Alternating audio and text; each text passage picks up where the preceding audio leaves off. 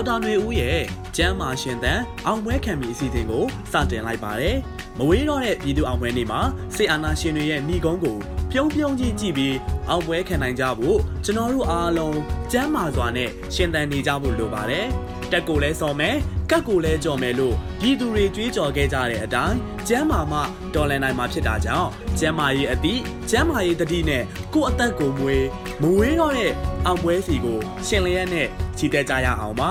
ကိုရောစိတ်ပါ အားပြည့်ကျမ်းမာနေစေဖို့မေးမြန်းလိုတဲ့မေးခွန်းတွေရှိရင်ဒီစီတင်လေးရအောက်မှာဖြစ်စေ PVTV ရဲ့ Messenger ဘောက်မှာဖြစ်စေ info@pvtvmyanmar.net ကိုပဲဖြစ်ဖြစ်ပေးပို့၍မေးမြန်းနိုင်ပါတယ်အရေးတော်ပုံအောင်ရမည်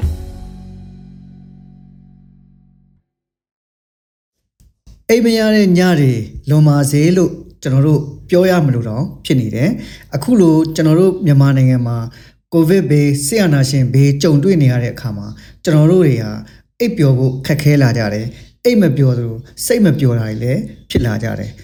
အဓိကအဖြစ်ကျွန်တော်တို့အိပ်မပျော်တဲ့လူတွေဟာဆိုလို့ရှိရင်တချို့ဟာအိပ်ပျော်ဖို့စပြီးတော့ခက်ခဲတာအဲတချို့ကအိပ်ပျော်လင်လဲနှစ်နှစ်ချိုက်ချိုက် အိပ်မပျော်တာတချို့ကကြတော့မကြာခဏကျွန်တော်တို့အိပ်ရပြန်ပြန်နိုးတတ်တာတချို့ကကြတော့အိတ်တော့အိပ်ပျော်သွားတယ်ညတကောင်ကပြန်ပြီးတော့နိုးပြီးရင်ပြန်ပြီးအိပ်လို့မရတာတွေရှိတယ်အဲ့ဒီလိုကျွန်တော်တို့ကဟိုအိပ်ရေးမဝဘူး အိတ်မပျော်တာတွေဖြစ်လာပြီဆိုရင်ကျွန်တော်တို့ရဲ့ဒီစိတ်ဟာကြည်လင်လန်းဆန်းမှုမရှိဘူးခန္ဓာကိုယ်မှာလည်းခေါင်းတွေကိုက်လာမယ်ခေါင်းတွေမူးလာမယ်ပြီးလို့ရှိရင်ကျွန်တော်တို့မျက်လုံးတွေကျိန်းဆက်လာမယ်နောက်ကိုယ့်ရဲ့ဒီနေ့စဉ်လှုပ်ရှားတဲ့နေ့စဉ်ဘဝပေါ်မှာတက်ရောက်မှုရှိတာကိုကျွန်တော်တို့တွေ့ရတယ်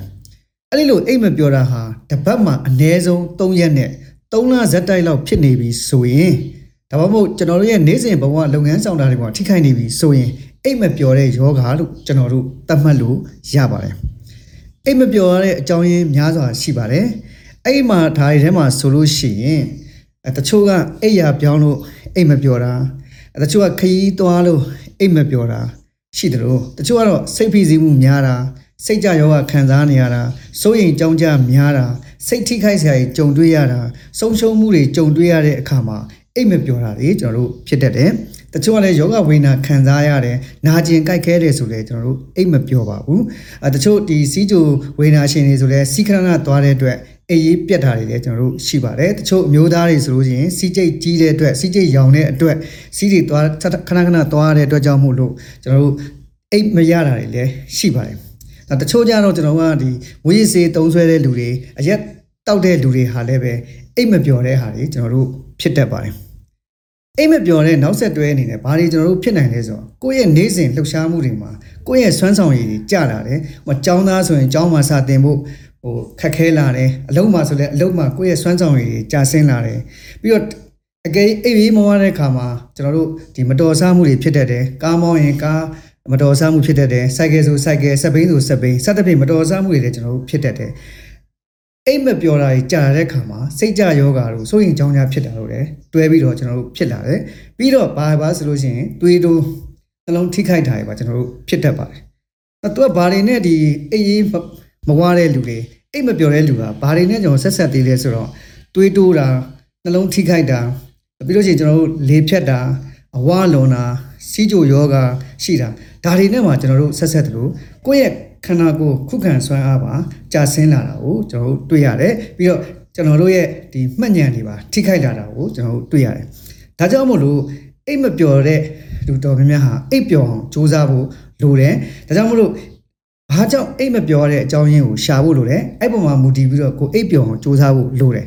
အကယ်ကိုယ့်ရဲ့အိတ်ခမ်းကတန်ရှင်းတရားမှုမရှိဘူးဆိုရင်တန်ရှင်းတရားအောင်ထားပါကိုကမီးအလင်းမှာမအိတ်တက်ဘူးဆိုရင်မီးပိတ်ပြီးအိတ်ပါ မအိတ်ခင်မှာကျွန်တော်တို့2နာရီလောက်စောပြီးတော့ဒီ screen time ပေါ့နော်ဒီဖုန်းသုံးတာ TV ကြည့်တာစသဖြင့်အဲ့ဒါတွေကိုကျွန်တော်တို့ကရပ်ထားဖို့လိုတယ်ညနေဘက်မှာထမင်းအဝ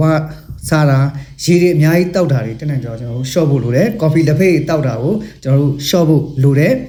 နော်ကိုလက်လှုပ်ရှားအားကစားကိုကျွန်တော်တို့ပုံမှန်လုပ်ပေးဖို့လိုတယ်ကျမ်းမာရေးကိုတေချာလိုက်စားဖို့လိုပါတယ်ဒါမှကျွန်တော်တို့ရဲ့ဒီအိတ်တဲ့ပုံစံကိုတေချာလေးစူးစမ်းပြီးတော့ ဟိုအိပ်ပျော်အောင်ကျွန်တော်အိပ်ဖို့လိုတယ်ကျွန်တော်တို့အိပ်ပျော်မှစိတ်ပျော်မှဖြစ်ပါတယ်